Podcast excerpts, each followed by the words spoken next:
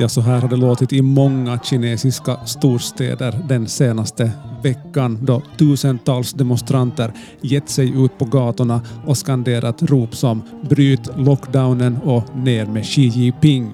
Det är inte ovanligt med demonstrationer i Kina, men att man så öppet demonstrerar och protesterar mot den politiska ledningen, det får till och med Kina-experterna att tappa hakan. I Kina är man uppenbart trött på noll-covid-politiken och från Shanghai till Urumqi sprider sig protester samtidigt som antalet covid-fall når nya rekordnivåer.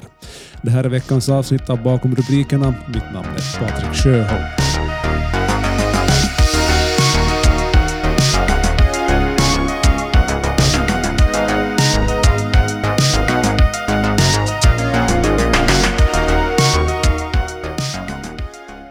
Med mig i Vasabladets podd bakom rubrikerna har jag Gustav Sundqvist, analytiker vid Nationellt kunskapscentrum om Kina och lektor vid Mälardalens universitet. Välkommen!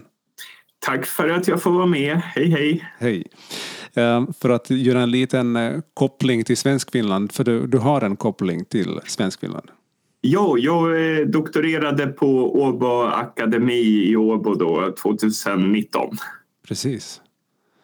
Saknar du det? Saknar du Finland? Svensk Finland? Jag gör, jag gör faktiskt det väldigt mycket. Ja, okay. jag ska vara ärlig. Sen, jag fick en eh, bebis här för eh, två år sedan så nu har jag inte haft chans att åka till Finland och så har det ju varit allt med corona och så. Precis. Um, som sagt, eh, om, om vi går över till ämnet som alltså är de senaste protesterna som ägt rum i, i Kina.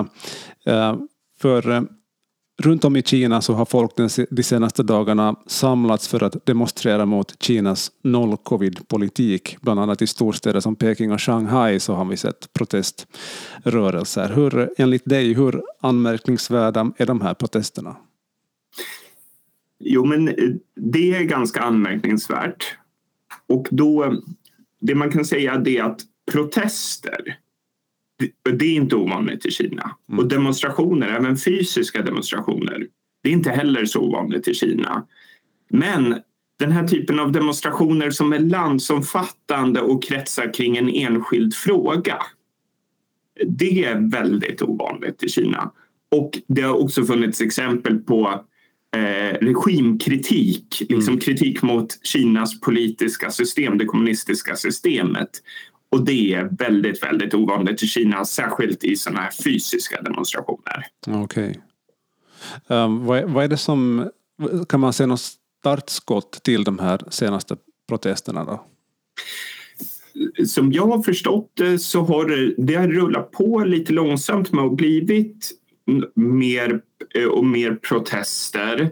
Men kanske framför allt eh, online. Sen var det eh, för ett tag sedan att det blev en sån här lockdown på en eh, fabrik som levererar produkter till Apple. Mm. Jag tror det var det taiwanesiska företaget Foxconn som har en fabrik som ja, men, tillverkar Apple-telefonen och där blev det en lockdown och då eh, eh, fabriksarbetarna kunde inte komma ut hur som helst. Då blev det liksom en stor protest på den fabriken. Så det upplever jag var som något slags startskott till de här fysiska demonstrationerna. Sen har det kretsat i någon slags kinesisk social media, i kinesisk media rykten om att covid-politiken skulle lättas upp lite. Och det här har ju bland annat gjort att eh, aktiekurserna i Kina har ökat för då har ja, marknaden tänkt att det här kommer vara bra för ekonomin och så. Men sen kom liksom signaler nu om att det blir mera lockdowns och smittspridningen ökar och då eh, stänger man ner i många städer. Då tror jag människor blev väldigt, väldigt frustrerade och väldigt besvikna och det liksom triggade folk att gå ut eh, på gatorna. Precis. Och i det som jag nämnde i inledningen, Urumqi, där har jag förstått att det var en brand som många också anser att var liksom start, ett annat slags startskott som, en, som, som liksom ökar på de här protesterna. Ja, det, det, har, det, det eh, glömde jag att säga nästan att det är nog en väldigt viktig utlösande faktor. Att det var en brand i Urumqi, jag tror det dog ett tiotal personer i den branden och då har det funnits uppgifter om att räddningspersonal inte kunde komma fram för att släcka branden på grund av covid-restriktionerna och så vidare. Och Sen i Kina så har ju också ofta, eh, det är samma i Sverige och Finland, men eh, eh, gatunamn är ofta döpta efter städer. Ja. Så det finns liksom Urumqi Street i Shanghai. Och då blev det väl naturligt för många människor att eh, man mer eller mindre spontant går till den gatan för att de hade hört om den här eh, brandkatastrofen då. Mm. Och där utbröt då den här lite mera, eh, vad ska man säga, aggressiva demonstrationen där man även riktade eh, slagord mot kommunistpartiet och Xi Jinping. Mm, precis. Du var lite inne på det redan. Det är inte helt ovanligt med protester och demonstrationer i Kina. Men hur ovanligt är det att det når storstäder som Peking och Shanghai? Ja, det är nog det upplever jag mer ovanligt att, eh, att liksom kontrollen är större i storstäder. Eh, sen kan det vara ändå att det är till exempel är strejker på fabriker i städernas utkanter och sånt. Mm. Eh, eller att det finns mindre demonstrationer med människor som är arga för att deras bostadshus ska rivas till exempel och att de tycker att de inte har fått kompensation eller liknande. Eh, tidigare historiskt så har det ofta varit vanligt i Kina med man brukar kalla det för rightful resistance eller eh, vad ska man säga, rättvist motstånd. Mm. Människor som upplever att de har blivit dåligt behandlade av kanske lokala myndigheter eller något sånt och då brukar man hänvisa till att varför gör ni agerar inte i enlighet med Kinas lagar, ni agerar inte i enlighet med hur det centrala partiet vill att ni ska agera. Kina har ju hållit hårt fast vid sin noll covid-politik och landets president Xi Jinping för inte så länge sedan utropade till och med seger mot covid och hela pandemin. Hur ser covid-linjen ut för tillfället i Kina? Eh, man har fortfarande så håller man fast vid något som man brukar kalla för eh, dynamisk noll-covid-strategi och det bygger på att man ska inte eh, liksom trycka ner kurvan.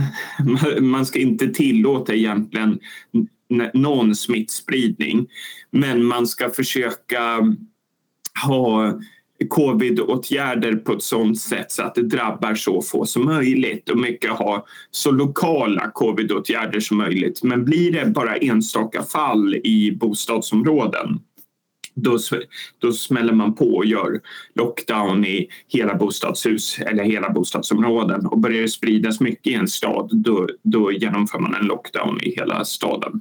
Mm.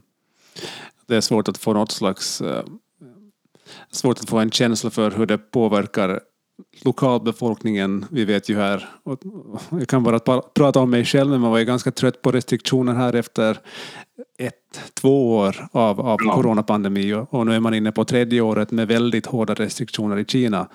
Um, börjar man bli trött på det? Är också protesterna ett uttryck för det? Ja, människor börjar verkligen bli trötta på det och det är ju dels att eh, Kina, kanske delvis på grund av att det är mer auktoritärt också, så mm. blir liksom nedstängningarna hårdare.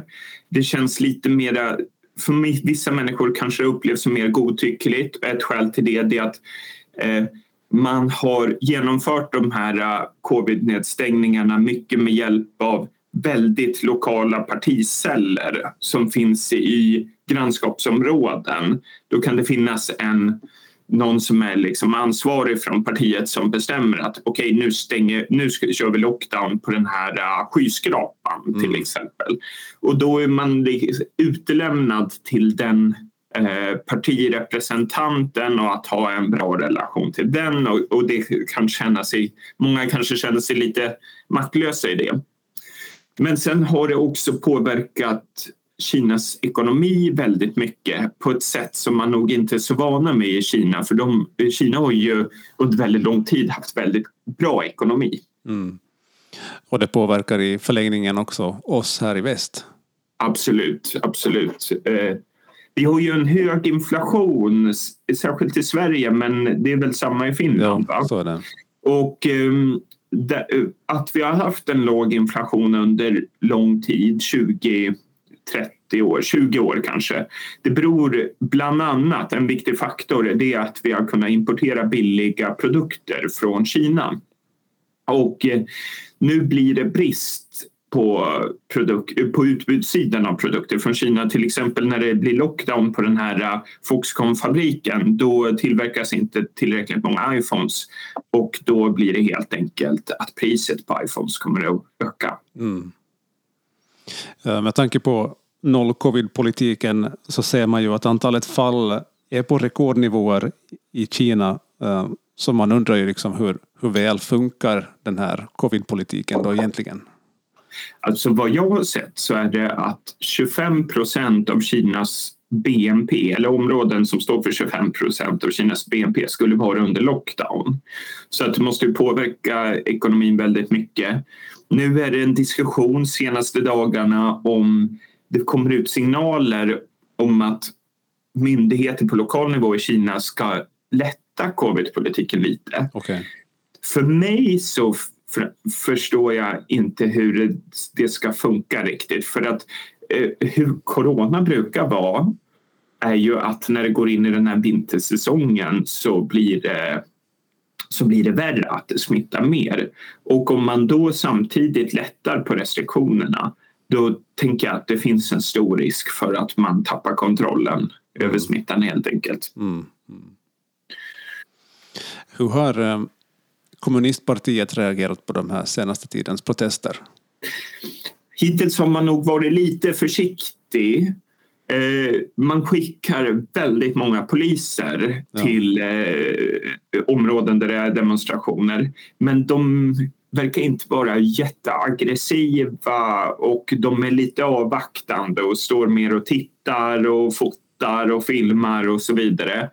Sen personer som har eh, liksom varit drivande i de här protesterna, till exempel den här mannen som ropade Xia eh, Gongzhandang, Xia Xi Jinping ner med kommunistpartiet ner med Xi Jinping. Mm. De har ju blivit arresterade och, och kommer säkert dömas till långa fängelsestraff om jag gissar.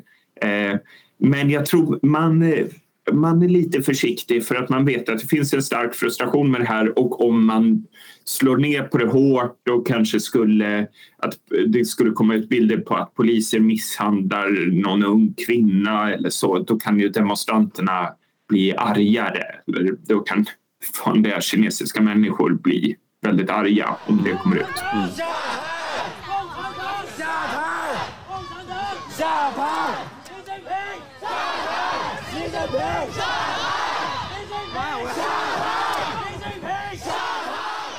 Sådana här uttalanden som du sa, där man då helt öppet kräver Xi Jinpings avgång eller i alla fall riktar kritik mot honom.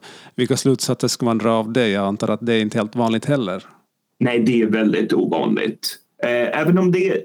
Jag, jag gjorde en studie faktiskt för tio år sedan på social media kring Eh, eh, när det var politiska skandaler så undersökte jag och en annan forskare, Johan Lagerqvist, massa social media eh, hur de framförde regimkritik och då såg jag att 3% av inläggen hade, innehöll sån här systemkritik, att det var kritik mot det politiska systemet i stort. Så väldigt lite men att det ändå fanns.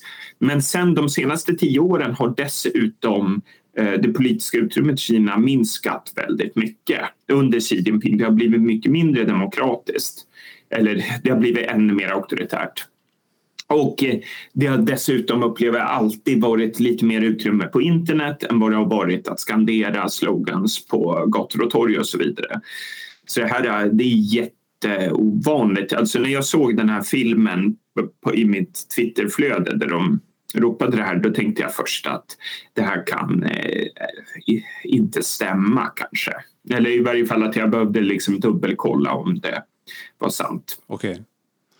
vad händer med en sån person som uttrycker sådana saker så öppet? Jag, någonstans hörde jag att man i, i vissa fall så sitter man och dricker te med polisen och diskuterar den, i andra fall så kanske man blir helt och hållet frihetsberövad. Ja, Nej, jag, jag, vet inte. Men jag, mm. jag, tror han som var drivande med att ropa ut den här slag, äh, slagorden, han kommer säkert bli fängslad och få något långt fängelsestraff. Ja. Sen tror jag en del av dem som bara deltog eh, då kanske det blir att dricka te med polisen och få en varning. Ja.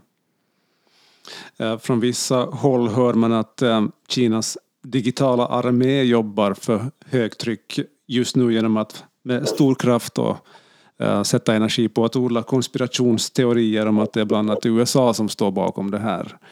Hur, hur, liksom, hur problematisk är den här protestvågen för den politiska ledningen i Kina?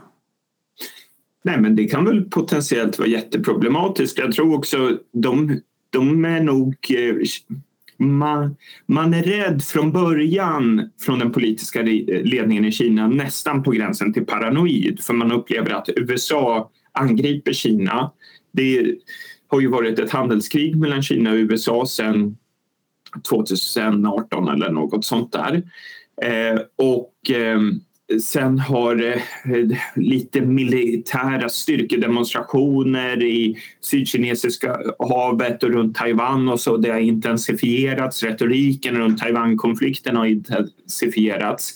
Eh, den förra presidenten Donald Trump han anklagade Kina för att, vara, att det skulle vara Kinas fel att corona spreds även till USA och så vidare. Ja. Och eh, dessutom tror jag att eh, Kina att de är stressade över det här med Ukraina-kriget. Det går dåligt för Putin. Det är stora demonstrationer i Iran.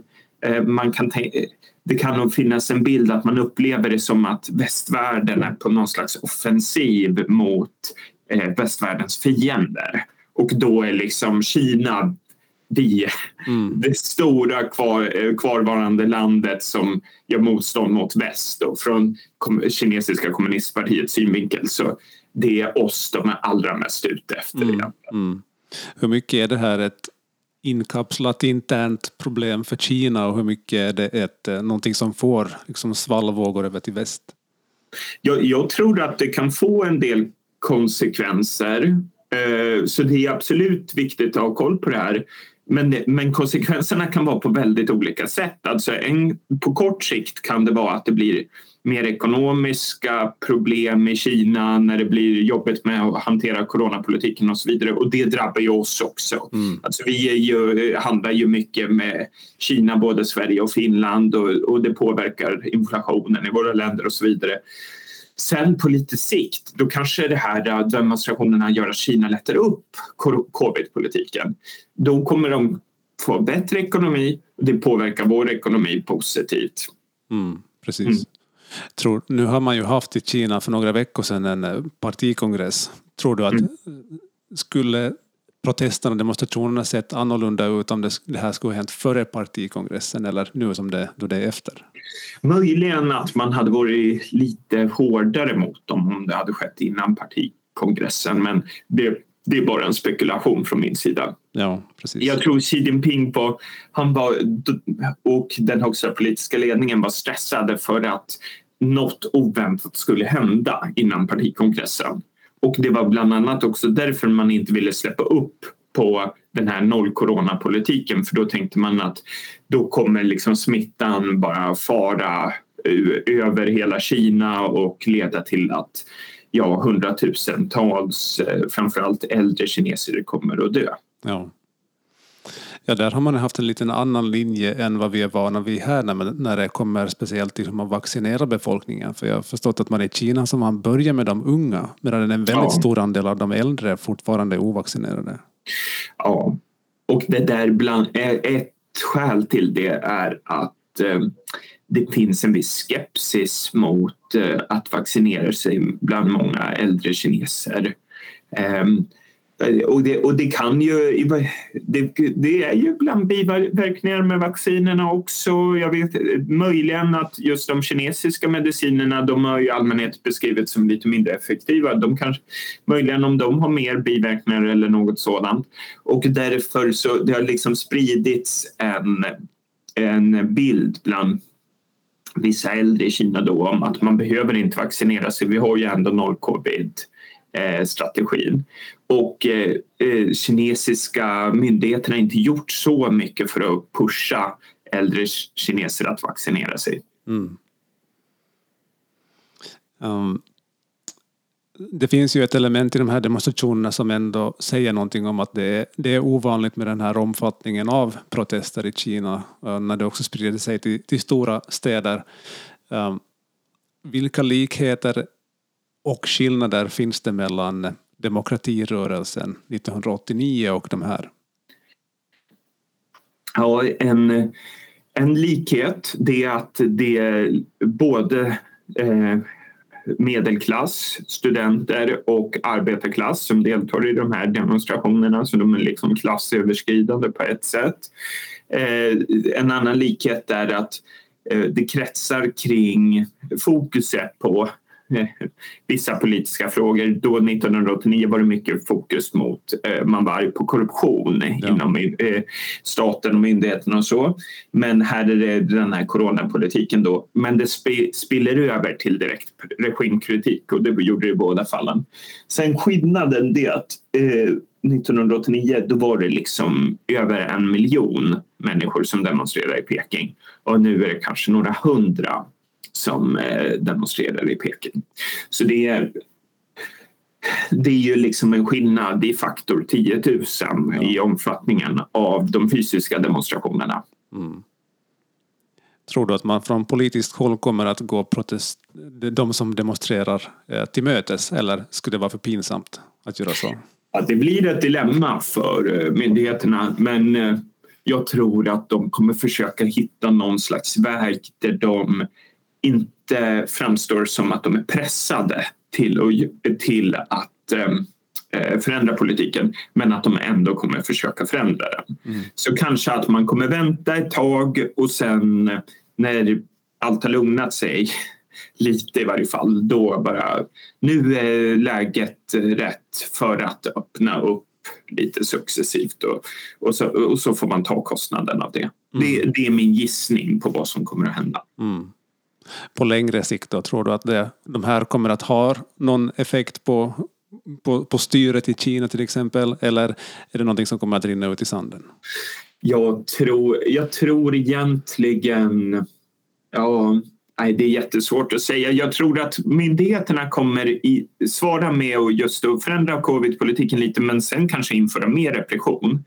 Men sen tror jag ändå kanske att det här kan få en lite mer långsiktig påverkan för att eh, människor har sett att det finns ett stort utbrett missnöje i Kina och även om eh, de flesta kommer inte våga gå ut på gator och demonstrera och så vidare så kanske folk kommer att uttrycka mer regimkritik på internet och det kommer kanske vara en del ändå fysiska demonstrationer. Och eh, en skäl till att jag tror att det kan bli mer av det, det är att eh, Kinas ekonomi nog kan ha en lite eh, en, en, inte en helt ljus framtid i uh, kort sikt, att det är en del ekonomiska problem som man står inför. Och det tror jag att människor kommer vara missnöjda över det även efter att covid-politiken eh, kanske ändras. Mm. Det får bli de sista orden i det här avsnittet av Bakom rubrikerna. Stort tack till dig, Gustav Sundqvist. Stort tack till dig.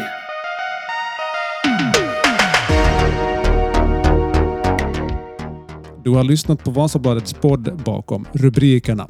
För intervjuer, klipp och produktion står jag, Patrik Sjöholm. Nu har du som lyssnare och inte prenumerant möjlighet att prova på Vasabladet en månad för endast en euro.